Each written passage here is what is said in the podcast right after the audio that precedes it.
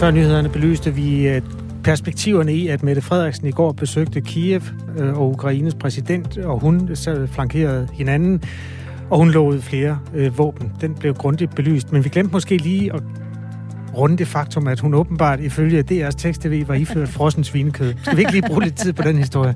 Det skal vi. Vil, vil du ikke bare simpelthen læse artiklen op, som den er? Altså, tekst-TV er jo kondens af de fine nyheder, og gennem mange år den hurtigste måde at få nyhederne på. Og ja, det eksisterer stadigvæk, tekst-tv, hvis nogen skulle være i tvivl. Der stod i øh, går øh, formiddag, Mette Frederiksen er i Ukraine. Den danske statsminister Mette Frederiksen er i dag i Kiev, altså det var i går, ikke? Øh, hvor hun skal mødes med øh, Zelensky. Besøget sker sammen med den spanske premierminister Pedro Sanchez, som for lidt siden lagde en video ud på Twitter, hvor de to statsledere ankommer til Kiev. Mette Frederiksen er iklædt sort tøj og frossen flæskesteg, der vagte undren. Og ved en nærmere... det er så og ved en nærmere kontrolscanning viste det sig, at flæskestegen indeholdt flere plader med has samt en samlet vægt på øh, 426 gram. Sagen med flæskestegen er overgivet til Københavns politi til videre efterforskning. det stod der. det er simpelthen så fuldstændig fantastisk. Jeg har læst den 20 gange. Jeg synes stadigvæk, det er Vi sjovt. lige. Mette Frederiksen er iklædt sort tøj og frossen flæskesteg, der vagte undren.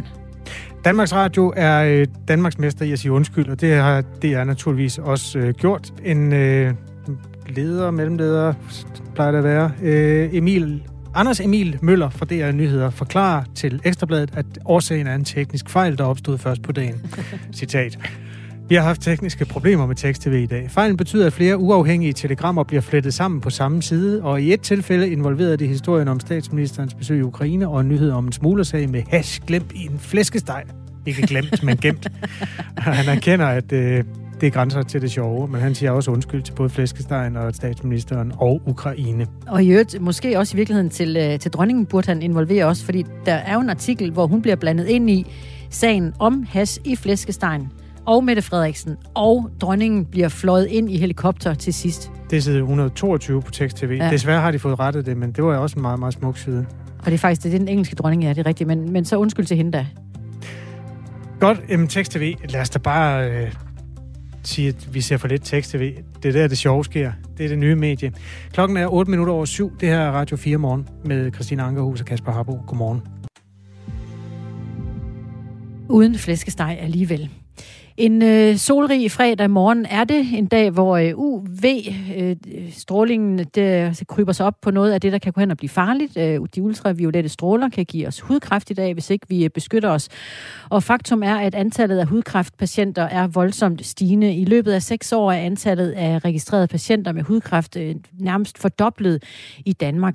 Det viser en ny rapport, der er lavet og udgivet af regionernes kliniske kvalitetsudviklingsprogram. Ifølge Henrik Sølsten, der er formand for hudkræftdatabasen og praktiserende speciallæge i dermatologi og medforfatter også til den nye rapport, så er forklaringen blandt andet, at vores ældre ikke har beskyttet sig ordentligt mod solen gennem deres liv. Vi får meget mere øh, UV-lys, fordi vi rejser mere, fordi vi øh, smider meget mere tøjet i forhold til, hvad vi gjorde for 50 år siden og længere. Og så er der også den meget væsentlige faktor, at jo ældre vi bliver, jo længere tid er, øh, har hudkræften til at kunne udvikle sig i huden, for vi har fået de skadelige UV-stråler. Silvia Bedaga, godmorgen. Godmorgen. Du er desværre en af dem, der tæller med i statistikken, fordi du fik konstateret hudkræft for øh, fem år siden. Hvordan opdagede du det? Jamen, jeg opdagede det ved, at, øh, at jeg havde fået et sår på min arm, og det er ligesom ikke helet, og så begyndte det at udvikle sig til tørt sår, og så ændrede farven sig til violet sår. Og hvad, så, hvad tænkte du så efterhånden, som du gik og holdt øje med det mærke, og der ikke rigtig skete noget kun til den værre side? Jamen, så tog jeg øh, kontakt til min læge, og øh, så øh, fik jeg kontakt til hudlægen, og så kom jeg ind og ligesom fik en biopsi hvor det blev konstateret, at jeg havde ret. Fordi du havde mistanken om hudkræft der tilbage i øh, 2017. Hvordan var det at modtage den besked? Jamen, jeg blev bange. Umiddelbart, lige kort efter, der blev jeg bare bange. og troede måske, at jeg skulle dø af det. Men, øh, men det blev jeg så beroliget med, at, at jeg havde opdaget det i god tid, og, øh, og det selvfølgelig gør en del for, at det ikke udvikler sig hurtigt. Hvor hurtigt kunne, øh, kunne lærerne fortælle dig, at, øh, at det ikke var dødsens alvorligt, det du sad med? Altså, de, øh, jamen, mere eller mindre sagde de, at det var en, et lille sår, men de kunne godt se, at det var en forandring. Øhm, men de synes, jeg var kommet i rigtig, rigtig god tid. Og hvordan blev du øh, behandlet? Jamen, jeg, blev, jeg fik bare taget en biopsi, øhm, som så blev dyrket. Og så fik jeg svar på det. Og det var så godartet. Så det var da en lettelse. Det må man da godt nok sige. Men du har jo øh, så t- efterfølgende øh, flere gange opdaget nye pletter. Altså, hvor, hvor meget har du af det? Jamen altså, øh, jeg har faktisk ikke haft noget i et godt stykke tid nu. Men jeg har haft efterfølgende, har jeg simpelthen haft to, to nye kræftpletter, der blev fjernet. Også fra samme arm. Mm. Og de var også godartet. Har du fået at vide, hvorfor du er blevet ramt af hudkræft? Det er helt sikkert på grund af alt for meget dyrkning af sol. Jeg har elsket solen, og jeg vil sige, at som barn har ens øh, forældre sørget for, at man fik øh, solbeskyttelse på. Men når man bliver teenager og selv skal sørge for det, øh, og i de tidlige, øh, når man er i 20'erne, så er det ikke lige det, man husker. Jeg gjorde i hvert fald ikke. Du er øh, 50 år, afslører jeg lige, øh, Sylvia, og så er du øh, ramt af hudkræft og øh, opvokset i øh, 70'erne, en tid, hvor nu drager jeg lige mig selv ind personligt. Jeg blev kastet ud i solen af mine forældre, og hvis det så ellers gik hen og blev rødt, så fik jeg ymer på om aftenen. Der var ikke så meget fokus på det dengang. Har du også været altså, den, på den måde belastet af meget sol som barn også? Det har jeg helt bestemt. Også fordi vi rejste meget øh, sydpå og øh, i længere perioder. Men ja, jeg var også en af dem, hvor øh, altså, jeg fik, man lå og tog sol i mange, mange timer, og så var det bare ymer på om aftenen. Øh, det var så smertefuldt, og så, ja, dagen efter var jo alt godt igen, kan man sige, ikke? Så der var slet ikke det samme fokus. Det var der ikke, som der er i dag. Hvornår øh, begyndte du så selv at blive opmærksom på øh, måske at bruge noget solbeskyttelse i løbet af dit liv? Øh, det har nok øh, noget at gøre med, når man bliver ældre, at man kan se, at huden bliver tyndere. Øh, jeg begyndte også at få mørke pletter af solen. Øh, sådan nogle hormonpletter også. Øh, øh, og bliver hurtigt forbrændt og bliver hurtigt irriteret i solen også.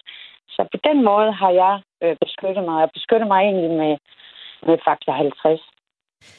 Og det er Silvia Bidaka, vi har med her til morgen, øh, fordi der er en øh, uheldig statistik, der viser, at øh, vi er dobbelt så mange i Danmark, der får hudkræft nu, end for seks år siden. Hudkræft, der viser sig ved pletter på huden eller knuder på huden.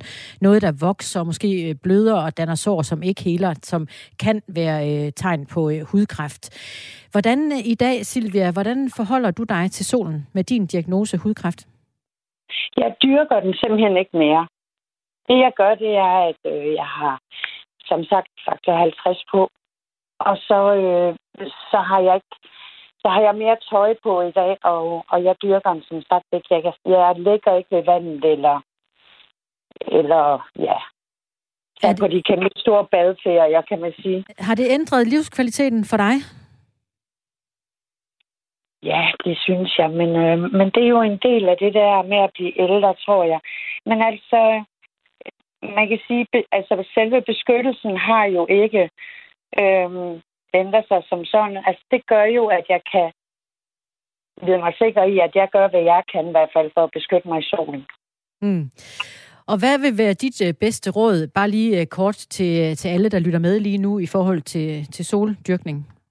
Det er helt sikkert ikke at dyrke det for meget af gangen. Brug beskyttelse hele tiden.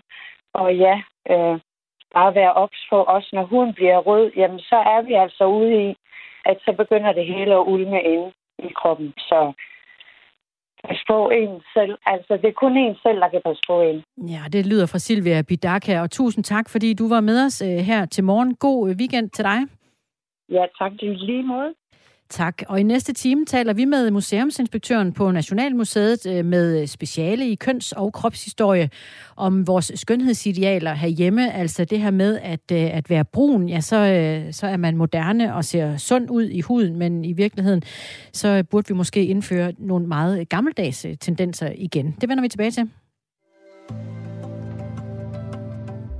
En kort opsamling på, hvad der sker i Ukraine. Der er selvfølgelig mange øh, blik retter sig mod den belejrede by Mariupol, hvor det ukrainske Azov-regiment angiveligt stadig holder stand på et omringet stålværk, der ligger i den her havneby, der har været bombarderet konstant i de sidste 6-8 uger. Over jorden er der ikke ret meget tilbage af byen. Under jorden ligger øh, sårede og døde inde i øh, de her øh, ruinbunker, og så er der altså også soldater. Men øh, stadig en, en del tilbage fra den her, det, det her regiment, hvor kaptajn Shla... Nej, nu skal jeg ikke råde mig ud i øh, Ukraine. Kaptajnen. Kaptajnen, han hedder Palamart til efternavn fra Azov-regimentet. Han siger, at øh, i hans optik er Mariupol stadig under ukrainsk kontrol. Det siger han til BBC, altså på et tidspunkt, hvor mange allerede har givet op i omegnen af øh, Mariupol, og hvor Rusland i øvrigt har erklæret, at den er under russisk besættelse nu. Samtidig viser satellitbilleder fra landsbyer i omegnen af Mariupol massegrave, hvor der ifølge lokale embedsmænd kan være op mod 10.000 civile begravet. USA er sammen med Ukraine begyndt at indsamle beviser for krigsforbrydelser. Det gælder både Mariupol og nogle af forstederne til Kiev. Krigens ødelæggelser har ifølge Verdensbanken indtil videre betydet en regning, som skal betales efterfølgende for omkring 60 milliarder dollars det svarer til over 400 milliarder kroner. Ja. USA øh, fortæller her til morgen, at de vil sende øh, et nyt ubemandet luftvåbensystem til Ukraine. Og øh, det er talsmanden for USA's forsvarsministerium, øh, Pentagon, der siger det, John øh, Kirk, Bi, ifølge nyhedsbyrået DPA. Et øh, luftvåbensystem bestående af nogle øh, droner, øh, intet mindre end 120 ubemandede droner, der skal afsted. Noget, der øh, beløber sig op på omkring 800 øh, millioner dollar. Ej, ikke alene dem, men det er en hel øh, hjælpepakke. Altså øh, 5,5 milliarder kroner bruger USA i den her omgang. Husk, at vi har øh, det faste element spørger om krigen kvart i ni. I dag er det Flemming Spidsbol, der er forsker ved Dansk Institut for Internationale Studier, har været rigtig meget i Rusland og de baltiske lande og kender området enormt godt. Også Ukraine, naturligvis. Hvis du har spørgsmål til enten øh, de militære ting, der udfolder sig på landjorden, eller de mere diplomatiske ting, så skriv til os på 1424. Start din besked med R4 og et mellemrum. Klokken er 18 minutter over syv. Fra i dag kan ukrainere, som er flygtet fra krigen, begynde at arbejde i Danmark, bare de har afleveret en ansøgning om opholdstilladelse, inklusive et fingeraftryk og et billede af dem selv. Og det gør jo altså vejen til arbejdsmarkedet meget kortere. Tidligere har fordrevne ukrainere nemlig først kunnet starte i arbejde, når deres ansøgning om opholdstilladelse var behandlet. Nu skal den altså bare være afleveret. Men Udlænding- og Integrationsministeriet har meddelt, at papirarbejdet kan komme på plads efterfølgende. Flere virksomheder har allerede meldt ud, at de gerne vil ansætte ukrainere hurtigst muligt. Blandt øh, de virksomheder er ISS Danmark, der gerne vil ansætte 100 i år. Vi har jo, øh, ligesom mange andre danske virksomheder, åbne stillinger, som vi gerne vil have besat i øjeblikket, og vi kan se, at øh, mange af de mennesker, som kommer til Danmark for Ukraine i øjeblikket øh, både er villig til og har lyst til og er i stand til at tage nogle af de stillinger. Så det synes vi er dejligt, at det kan gå hurtigere nu. Så vi har før ansat øh, en række af de her personer, og vi har faktisk også nogle personer, som står og venter på netop, at de kan få behandlet øh, deres ansøgninger om arbejdsopholdstilladelse, for at de kan begynde at arbejde hos os sagde HR-direktøren i ISS Danmark, Christian Lauritsen, til Ritzau. Øhm, og det handler især om stillinger inden for rengøring og arbejde i kantiner. Selvom det er godt for de flygtede ukrainere at komme hurtigere i arbejde, så er det ikke alle, der er begejstret for den model. Lisette Risgaard, godmorgen. Godmorgen. Formand for Fagbevægelsens hovedorganisation. Hvorfor synes I, at det er problematisk?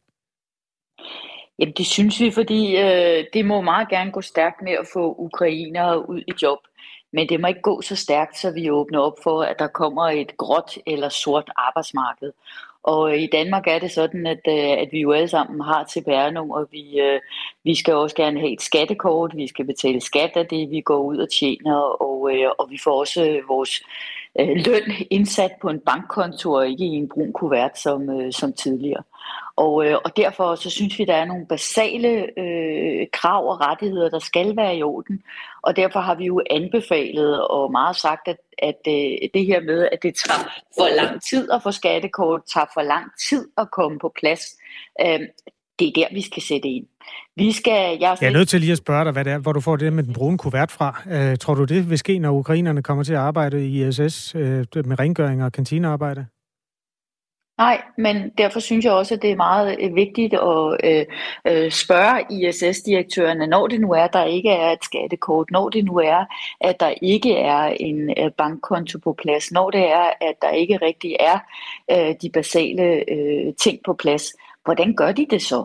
Og, øh, og jeg er slet ikke i tvivl om, at ISS de følger de retningslinjer og, og de regler, i forhold til arbejdet, som, øh, som der er aftalt mellem, øh, nu er det typisk 3F og, og ISS, det er jeg slet ikke i tvivl om.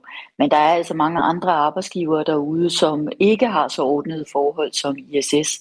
Og, og det er altså vigtigt, at vi stadigvæk holder fast i, at i Danmark, øh, der har vi et system, hvor vi har et skattekort, hvor vi har en bankkonto, og vi får indbetalt øh, mm. vores løn, øh, og også har øh, en, en, en mulighed for nogenlunde at vide, hvordan det arbejdsmarked, øh, vi har her, det hænger sammen. Det, ja, det kan jo ske det, hvis nu for eksempel jeg ikke har noget skattekort, og jeg tager et arbejde, så vil der blive trukket 60% i skat og 8% i arbejdsmarkedsbidrag. Øh, og indtil der på et eller andet tidspunkt tilflyder min arbejdsgiver nogle oplysninger, som kan bruges til at ramme en mere præcis trækprocent. Er det ikke fint nok? Jo, men jeg er nødt til at, jeg er nødt til at sige til dig, at, at øh, det er da rigtigt, at der kan indbetales 60 procent, men du har ikke noget CPR-nummer. Hvor skal de indbetales til? Hvem skal de indbetales for? Altså, øh, det, det lyder jo rigtig nemt og rigtig godt. Og, øh, og, og det er vigtigt for mig at sige, at vi ønsker ikke at, at øh, sætte noget hegn op omkring, at ukrainer ikke skal hurtigt i job, ikke skal kunne komme ind på arbejdsmarkedet, det medvirker vi faktisk til, også ved de aftaler, de partnerskaber, vi har indgået. Men her er jeg bare nødt til at sige, at, øh, at øh, belastningen, øh, belastningen af erfaring på, hvordan der desværre også er nogle arbejdsgiver, der ikke er så reelle som, som ISS. Der ønsker jeg ikke at åbne op for hverken sort eller gråt arbejdsmarked. Jeg ønsker, at, at vi gør det og gøre det på en god måde, ordnet forhold for ukrainerne, øh, det er det, der skal til, og det er det, vi har aftalt med hinanden. Og derfor synes jeg, at det, der skal til, det er, at man skruer op for hastigheden på, hvordan der kan udstedes både skattekort og, øh, og bankkonti og CPR-nummer til de her mennesker, så de kan komme øh, i arbejde under ordentlige forhold. Og ISS, de skal nok have styr på det, men jeg er også bare mm. nødt til at sige til jer, at der er rigtig mange andre derude, og det ved I også godt, øh, som, som måske ikke har så meget styr på det som her. Og der er det jo vigtigt, ukrainer, de kan altså ikke dansk.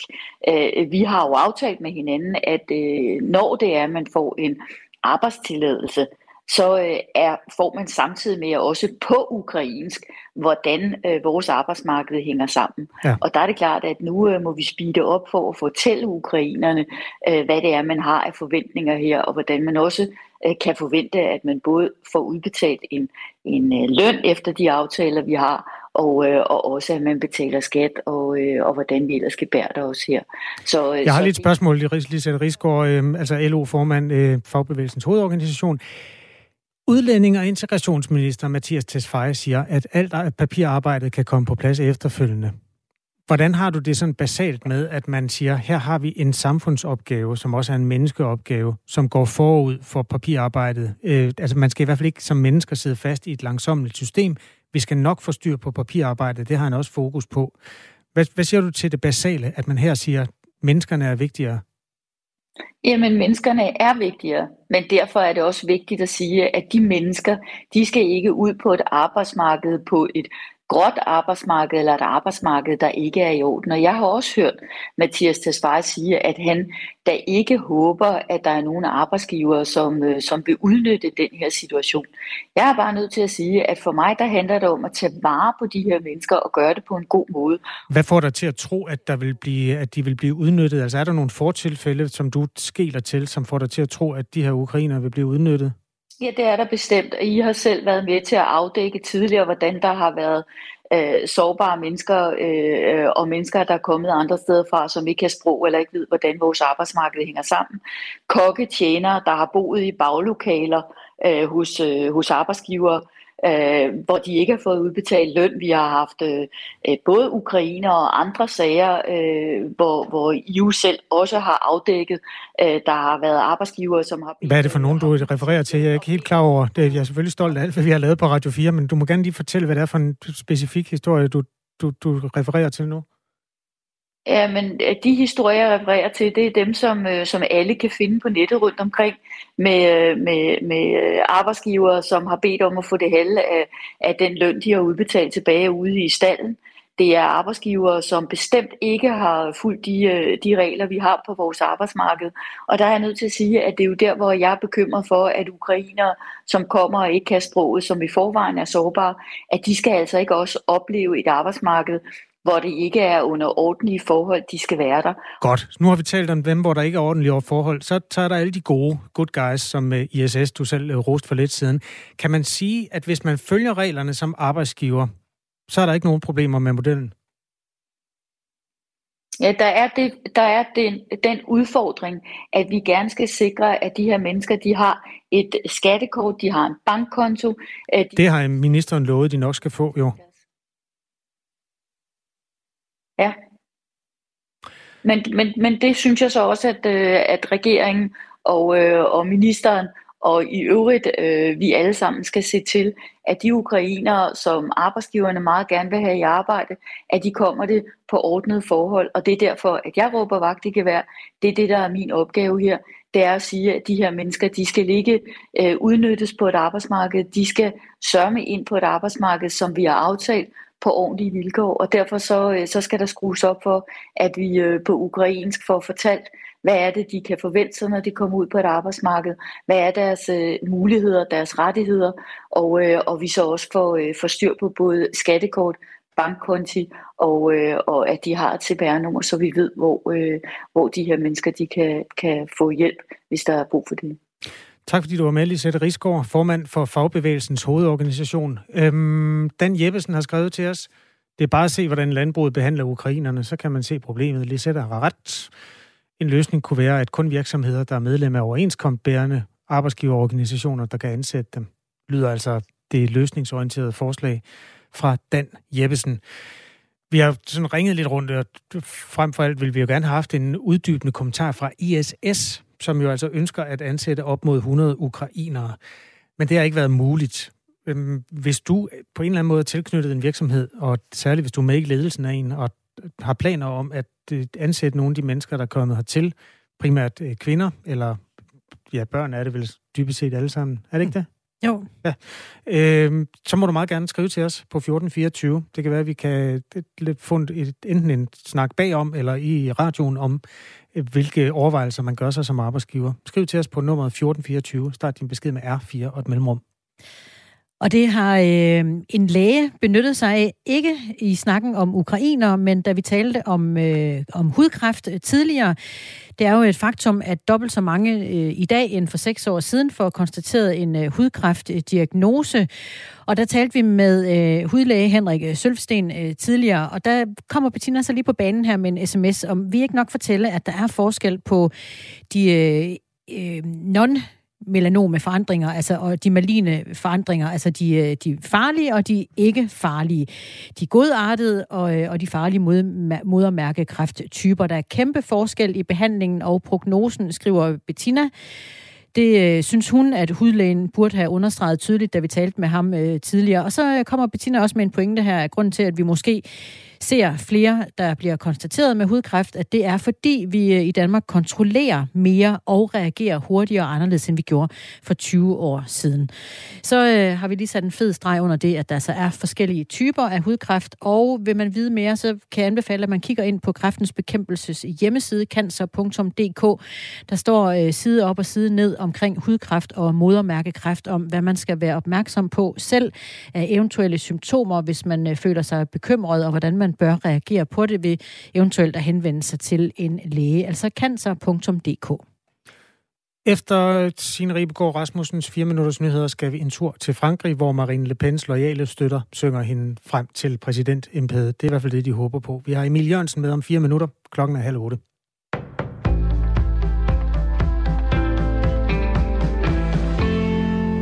Ukrainske flygtninge får så få penge fra staten, at kommunerne har svært ved at finde en bolig til dem, som de kan betale. Derfor så opfordrer kommunernes landsforening nu regeringen til at handle, det skriver politikken. Anne Philipsen fortæller.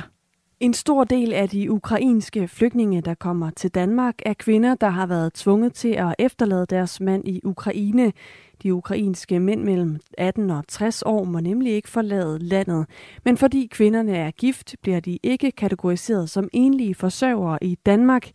Derfor får de kun omkring 8.700 kroner i måneden før skat. Det er omkring 4.000 kroner lavere end den maksimale ydelse for en enlig forsørger. Det er kvinder, der i forvejen står i en utroligt svær situation, og det er selvfølgelig uholdbart, når reglerne på området betyder, at det kan være svært for os i kommunerne at finde en bolig til dem, som de har råd til at betale. Det siger Peter Rabeck Jul, der er formand for KL's arbejdsmarkeds- og borgerserviceudvalg og borgmester i Odense. Venstre og konservative vil gerne hæve den ydelse, som de nyankomne ukrainske kvinder, der flygter alene med deres børn til Danmark, kan få fra staten. Blandt regeringens støttepartier er der større skepsis over for at udvide særbehandlingen af ukrainske flygtninge. Udlændingeordfører i enhedslisten Rosa Lund så helst, at man helt afskaffede de lave ydelser. Mariupols borgmester beskylder russiske styrker for at dække over krigsforbrydelser. Beskyldningen lyder helt konkret, at russerne har benyttet sig af massegrave for at skjule beviser på de barbariske krigsforbrydelser, siger borgmesteren. Det skriver The Guardian. Beskyldningen er ikke bekræftet, og Rusland har ikke udtalt sig om sagen. Borgmesteren siger, at russiske lastbiler har flyttet lige fra Mariupols gader efter de seneste ugers ubarmhjertige og konstante bombardementer af havnebyen. Ifølge borgmesteren blev ligene begravet i en massegrav ved siden af en kirkegård i den nærliggende by Manhus Bush. Efterfølgende har det amerikanske firma Maxar Technologies udgivet satellitbilleder, som til synlædende viser massegrave på den lokation, som borgmesteren har beskrevet. Folkekirkens Nødhjælp er klar til at hjælpe med at rydde miner i Ukraine, det skriver organisationen i en pressemeddelelse. Nødhjælpsorganisationen har den seneste uge været til stede i Ukraine, hvor den sammen med landets myndigheder har vurderet behovet for at få ryddet de landminer, som krigen efterlader. Folk løber en stor risiko, når de går ind i de her områder. Derfor er minerydning en helt central del af genopbygningen, siger organisationens generalsekretær Birgitte Kvist Sørensen i meddelelsen. I første omgang vil det dog kræve finansiering, før arbejdet endeligt kan sættes i gang. Derfor er organisationen lige nu i dialog med Udenrigsministeriet. Og krigen i Ukraine har på mange måder kostet dyrt. Landet har fået ødelagt bygninger og infrastruktur for omkring 412 milliarder kroner, og beløbet vil stige yderligere. Det vurderer Verdensbanken ifølge dens præsident David Malpass. Krigen er fortsat i gang, så omkostningerne stiger, sagde han ved en konference i går ifølge Reuters. Ifølge Ukraines præsident Volodymyr Zelensky, så har Ukraine brug for 48 milliarder kroner om måneden for at fungere. I dag får vi tørt vejr med nogen eller en del sol. Temperaturerne lander mellem 13 og 17 grader. Ved østvendte kyster bliver det lidt køligere, og så får vi en let til frisk vind fra nordøst. Det var nyhederne på Radio 4. Jeg hedder Signe Ribergaard Rasmussen.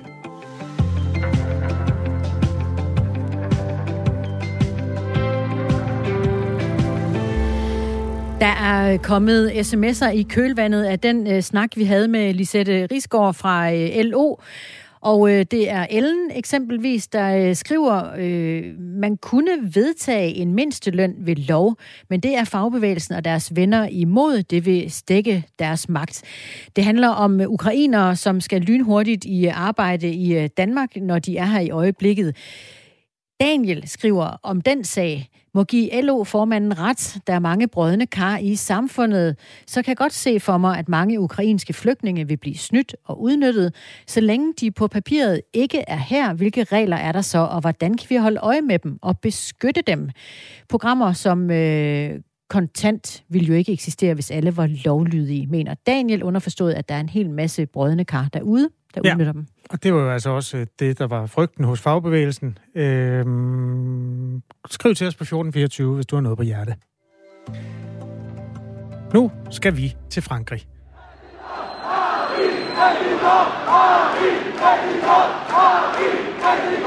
Marine Præsident. Det er Marine Le Pens loyale støtter, som synger, hvad de håber, der sker på søndag, at højrefløjsdronningen vinder det franske præsidentvalg.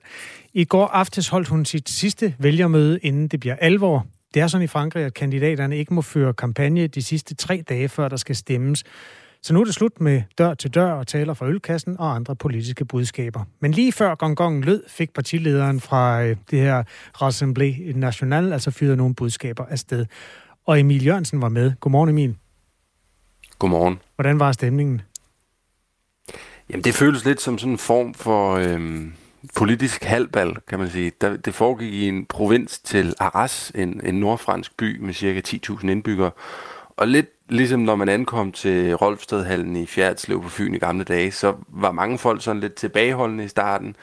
De skulle ligesom se det lidt an. Øhm, og modsat Rolfhallen, så drak folk sig ikke mod til alkohol. Til gengæld så var der lamper og projektørlys, der blev spillet ABBA, og der var så hulens varmt, at øh, sveden den simpelthen piblede ned af panderne på os alle sammen. Og Marine Le Pen, jamen, øh, hun svømmede simpelthen direkte igennem den her sved. Hun gik fra bagerste række til scenen igennem 4.000 mennesker, og det tog hende 10 minutter at komme op øh, foran folket, fordi at alle simpelthen skubbede og kæmpede for at komme tæt nok på hende til at tage en selfie.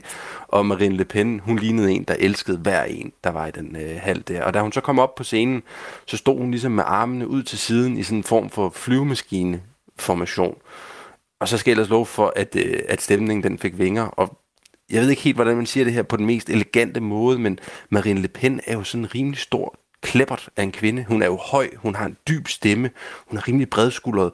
Så mens hun stod der med armene ud til siden, øh, tusindvis af franskmænd hudende og viftende med flag foran, så der fik man nærmest indtrykket af, at hun lignede det, hun gerne ville skabe den aften der, og det var en dæmning mod Emmanuel Macron.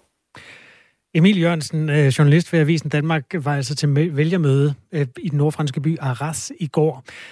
Og øh, hvad var så budskaberne, altså udover at øh, hun ikke var tilhænger af Macron? Det har vi jo forstået. Hvad, hvad, hvad slog hun på her på, øh, lige før falderæbet?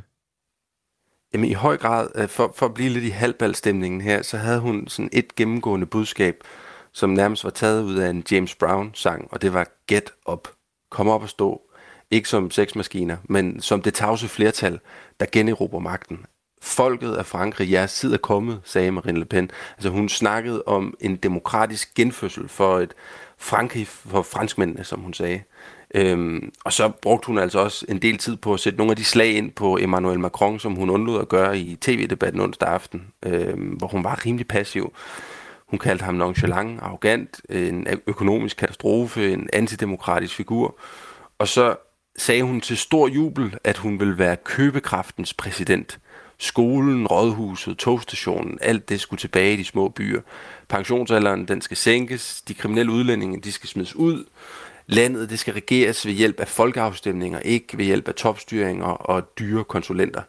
Og så fik hun sagt, at klimapolitikken, den er vigtig, men den må ikke gå ud over alle de franskmænd, som har brug for bilen for at komme på arbejde.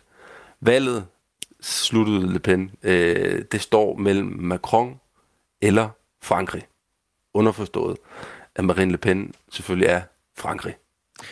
Vi skal høre en lille lydbid med et af de tusindvis af mennesker, der kom for at høre Marine Le Pen i går. Det her er en mand, der hedder Philippe Stans. Han er 47 år og arbejder som sikkerhedsvagt. Why, why Marine Le Pen president of France? To save the country. Really, to save the country for everything. For social things, for immigration, for liberty, for everything. Uh, Macron was a catastrophic president, and uh, we saw what he did. So, De omtaler allerede Macron i datid. Det er jo øh, meget sejrsikkert. Øh, hvad er det for nogle franskmænd, der stemmer på Le Pen, Emil Jørgensen?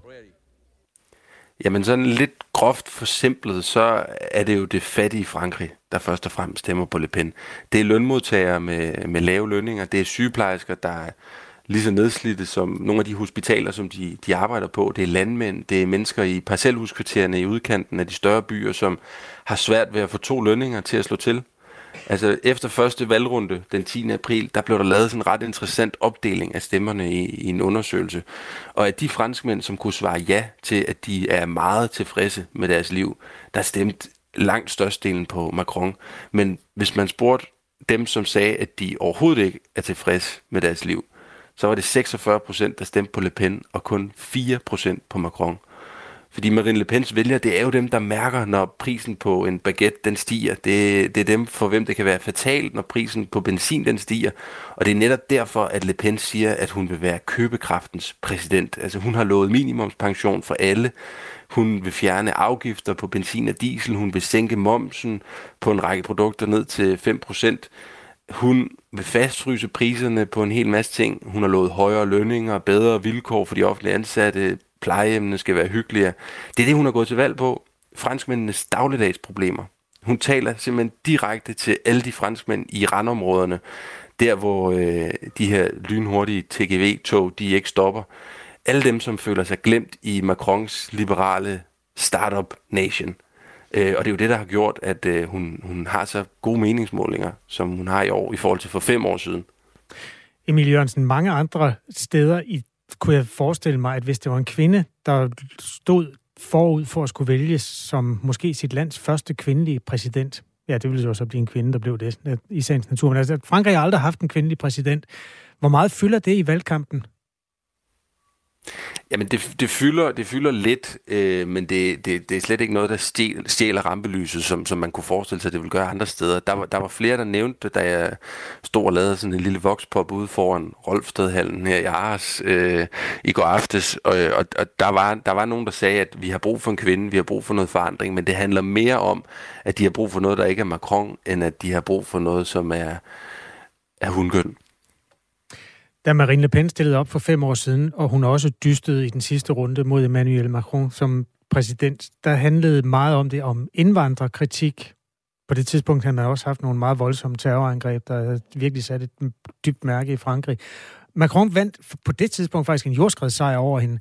Nu ligner det et mere sådan øh, lige valg. Hvad er det, der har ændret sig? Er det Le Pen, eller er det Macron, eller er det Frankrig? Det er et rigtig godt spørgsmål. Altså, hun har i hvert fald fået et helt andet image. Altså, partinavnet er jo blevet ændret fra det sådan lidt mere konfrontatoriske Front National til National Samling, som det hedder oversat til dansk. Hun har støvsuget mange af sine egne taler for det allermest hissige indvandrerkritik, for det allermest hissige Frexit, øhm, så hun fremstår stueren indvandrerkritikken og EU-politikken er simpelthen blevet gemt godt væk, og så er hun blevet overhalet indenom af Erik Simur på højrefløjen, der pludselig har fået hende til at fremstå aldeles moderat. Franskmændene de bruger det ord, der hedder afdemonisering. Øh, det er den proces, hun har været igennem.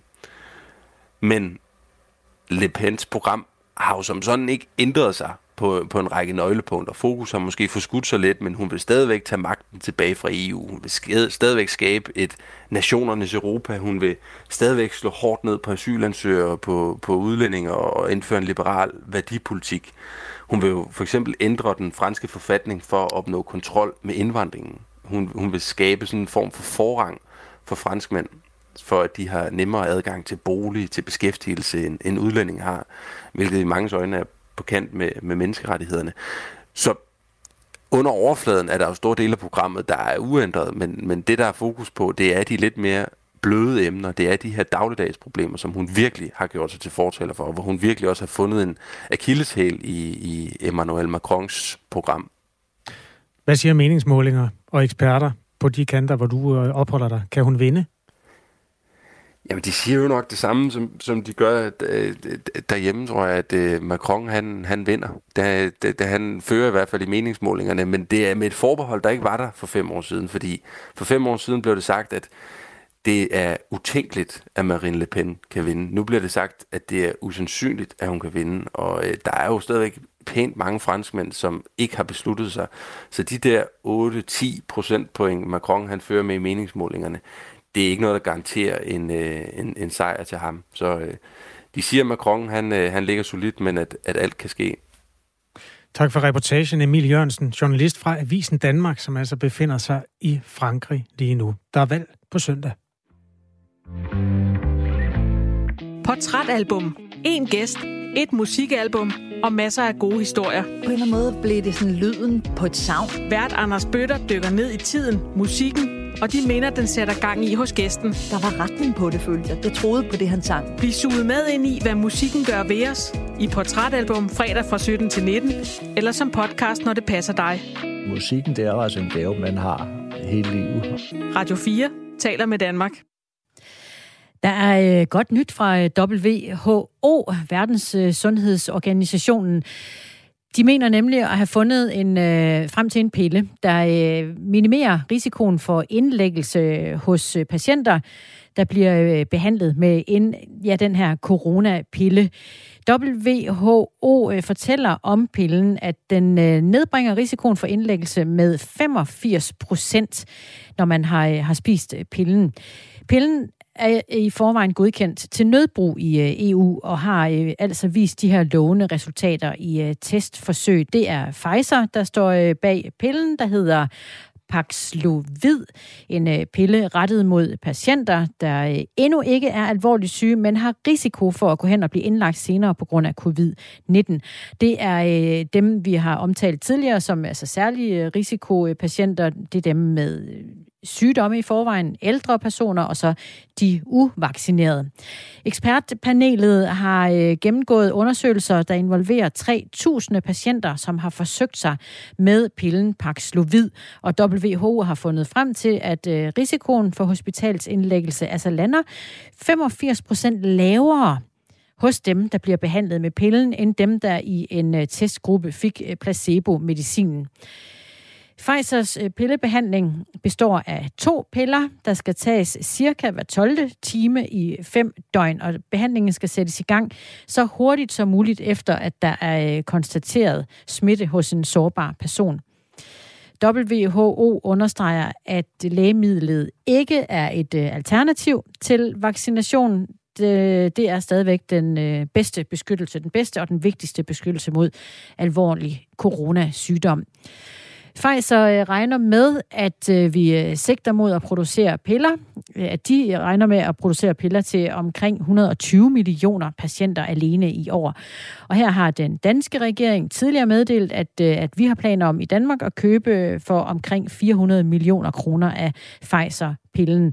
Der er også en anden pille på markedet. Den kommer fra et firma, der hedder Mærk, og den er også i gang med at blive evalueret. Og forløbet tyder det på, at den er ikke helt så god som Pfizers pille. Den øh, nedbringer øh, risikoen for indlæggelse omkring 30 procent. Altså mindre effektiv end, øh, end Pfizers. Det synes jeg var, var godt og positivt nyt på en fredag.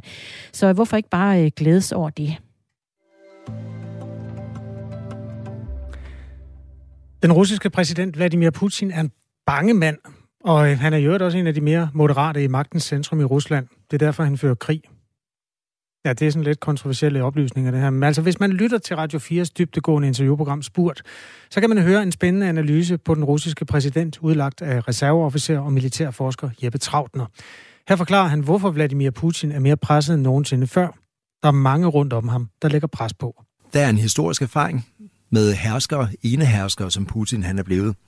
Det er, at hvis de mister magten, så risikerer de meget nemt at dø af det eller blive sat i fængsel og få taget deres penge fra sig. Putin har to døtre, som har enorme formuer, ligesom ham selv.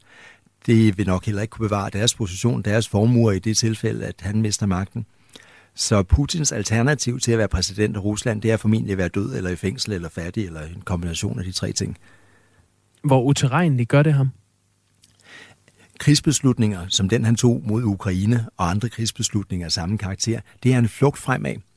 Man er bange som magthaver. Man er bange for at blive udsat for et kup. Man er bange for folkeligt oprør. Man er bange for snigemor. Man er bange for det ene og det andet, og man med ret god grund.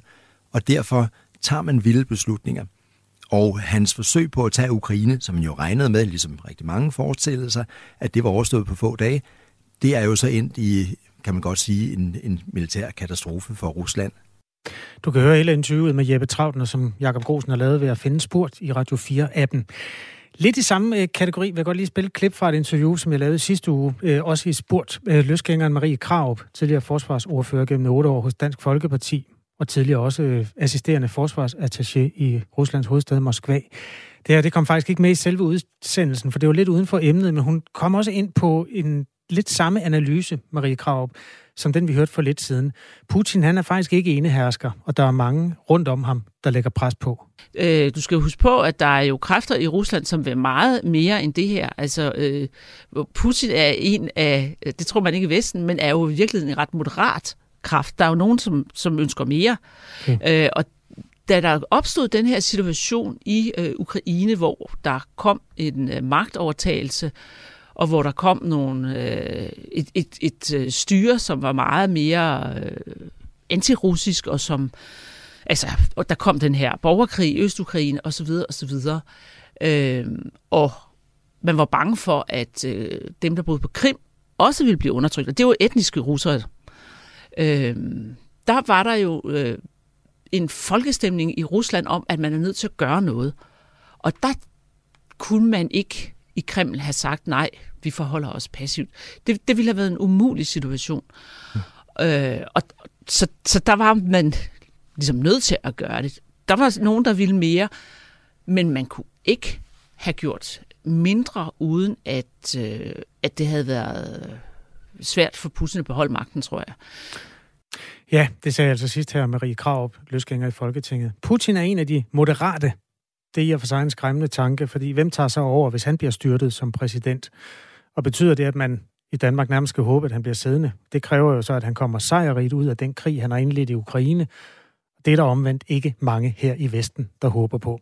Der ligger mange gode interviews til dig i serien Spurt, som du kan finde i Radio 4-appen. Statsminister Mette Frederiksen er hjemme igen efter sit besøg i øh, Kiev i øh, Ukraine i går på et øh, pressemøde med Ukraines præsident Volodymyr, øh, Volodymyr Zelensky fortalte hun i går, at Danmark øger sit bidrag med 600 millioner danske kroner. Og det kommer til samlet at bringe det danske våbenbidrag op på over 1 milliard kroner til krigen i Ukraine.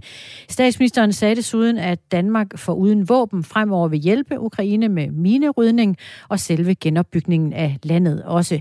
Godmorgen, Thomas Larsen. Godmorgen. Politisk redaktør på Radio 4. De her øh, store tal her, det kan godt være lidt svært øh, sådan lige at forstå, hvor, hvor store de egentlig er. Altså, kan du prøve at sætte lidt ord på, hvor mange penge er det egentlig, vi taler om? Jamen, det er et godt øh, spørgsmål, fordi i, i virkeligheden så afhænger det jo meget af, hvordan man gør bundlinjen op. Og hvis man skal se på de helt ufattelige ødelæggelser, som sker i Ukraine, altså hvor der jo simpelthen bliver ødelagt for altså, kæmpemæssige beløb hver eneste dag, mens krigen varer, så kan man jo godt sige, at øh, de her penge fra Danmark måske ikke er så mange og ikke er så store. Men set med danske øjne, så er der ingen tvivl om, at det, at vi faktisk nu kommer op på at give våbenhjælp for mere end en milliard kroner, øh, det er altså en meget, meget øh, stor sending af våben, som øh, Danmark dermed altså sender mod Ukraine, og også en meget substantiel hjælp. Det er et usædvanligt stort beløb, altså set med danske øjne, og også i en dansk tradition. Vi ved ikke meget om endnu, hvilke våben der er tale om. Hvorfor fortæller statsministeren regeringen ikke det i det samme, at man sætter et beløb på? Tydeligt, at der er simpelthen ved at blive øh, sendt et øh, røgslør ud over de her våbenleverancer. Altså det er klart, at de forskellige regeringschefer herunder Mette Frederiksen, øh, de siger jo, at de enkelte vestlige lande gør alt, hvad de kan for at hjælpe Ukraine, og de siger jo også, at der bliver sendt våben afsted. Men det er helt tydeligt, at der er kommet meget mere hemmelighedskrammeri om præcis, hvad det er for nogle våben og våbensystemer, som man sender til Ukraine. Øhm, og jeg tror, der er flere årsager til det, men jeg tror ikke, man skal tage fejl af, at en af de allervigtigste årsager til det, det handler jo simpelthen om, at, øh, at man er utrolig påpasselig med i Vesten ikke at blive en direkte aktør eller en direkte part i krigen, som det hedder. Fordi det vil jo så betyde, at man i realiteten er på vej ind i en krig mod Rusland, og det ønsker man for alt i verden at undgå. Og det man jo kan følge med i fra Vestens side i øjeblikket, det er, at der er store og massive frustrationer i Moskva og i kredsen omkring Putin, fordi det ikke går hurtigt nok frem for russerne. Og der er det så også helt oplagt, at, øh, at øh, den her frustration, der trives i, i Moskva, gør jo også, at russerne ser mere og mere kritisk og, og mere og mere vredt på de våbenleverancer, der kommer fra Vesten herunder Danmark. Mette Frederiksen var i øh, Kiev i går i Ukraine som den første skandinaviske leder til at besøge Ukraine efter krigens begyndelse.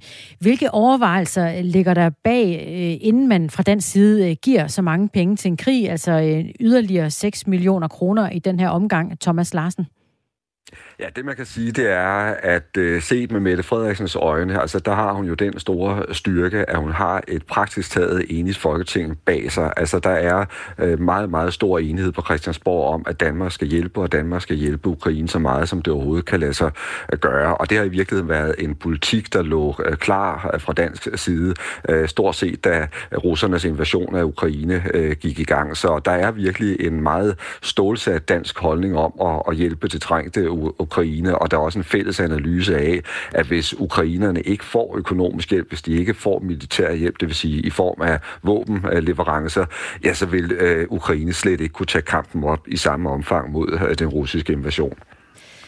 Hvad lyder der af reaktioner fra øh, det, resten af Folketinget oven på øh, besøget i går? Jamen, det er faktisk interessant. Der er stadigvæk en meget, meget stor øh, enighed, altså fra højre øh, til venstre, og også selv øh, partier, der måske normalt vil være imod at sende våbenleverancer afsted, og især også våbenleverancer af det her omfang, øh, de er faktisk enige om, at, øh, at Danmark skal stille op, og at vi skal sende de her øh, våben øh, afsted så hurtigt og så effektivt, som vi overhovedet kan. Vi talte øh, lidt tidligere her på morgen med en øh, ekspert, øh, Torben Ørting Jørgensen, fungerende formand i Folk og Sikkerhed, der siger, at vi er ved at nå til bunds i, hvad, hvad vi ligesom kan, kan give ud af i vores ammunition og, og våbenlærer. Er det noget, man taler om i Folketinget også, altså den balance? Det er klart, at der er simpelthen også grænser for, hvad et lille land kan levere her, når det kommer til stykket. Og det er jo selvfølgelig også helt øh, åbenbart, at, at Danmark ikke er en af de største donorer øh, her. Og der tror jeg så også, det er vigtigt, at man ser på, at det jo i virkeligheden er en strøm af våben, der kommer fra mange vestlige øh, lande. Og præcis de samme døgn her, hvor øh, den danske regering er enige om, at man skal optrappe våbenleverancen til Ukraine, der kan vi jo så også se i Washington, altså i USA, øh, der er politikerne derovre også enige om, at der skal sendes altså kæmpe våbenleverancer af, af sted, og også af de her såkaldte altså tunge, mere effektive, hårdslående våben, som uh, ukrainerne har desperat brug for. Og det fortæller Thomas Larsen, politisk redaktør på Radio 4, og tak for det. Selv tak.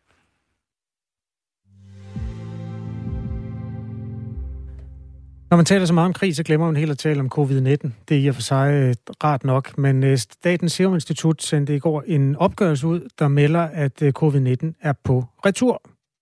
Det er ikke nogen naturlov, at øh, det går den vej. Altså i Kina slås man jo i øjeblikket stadig med øh, covid-19. Også fordi man har en nul-tolerance-strategi, der betyder, at man en overgang havde hele 375 millioner kinesere omfattet af et lockdown. Det er en fjerdedel af landets befolkning, og det er vel at mærke verdens mest folkerige nation.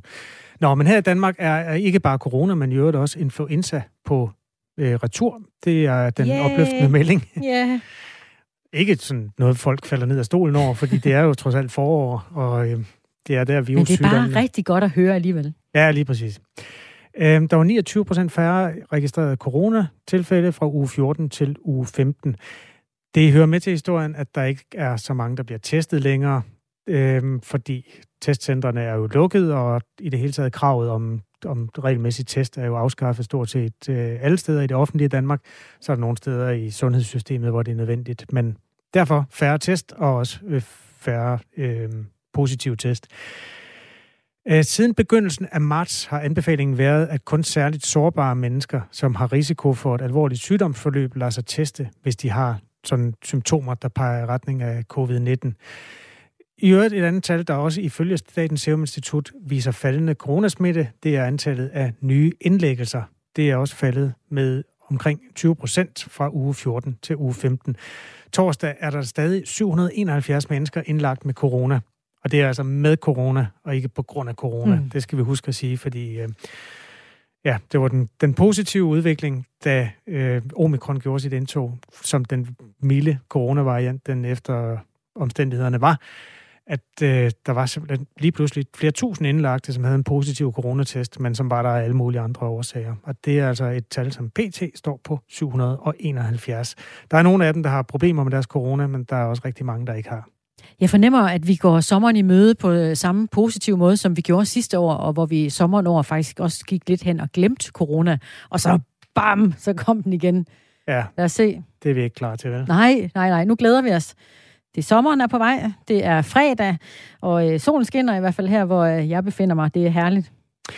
Du lytter til Radio 4 morgen. Du kan skrive til os på 1424, hvis du har kommentarer eller input til Christina Ankerhus eller mig, Kasper Harbo. Nu er der nyheder med sine Ribergaard Rasmussen klokken er 8.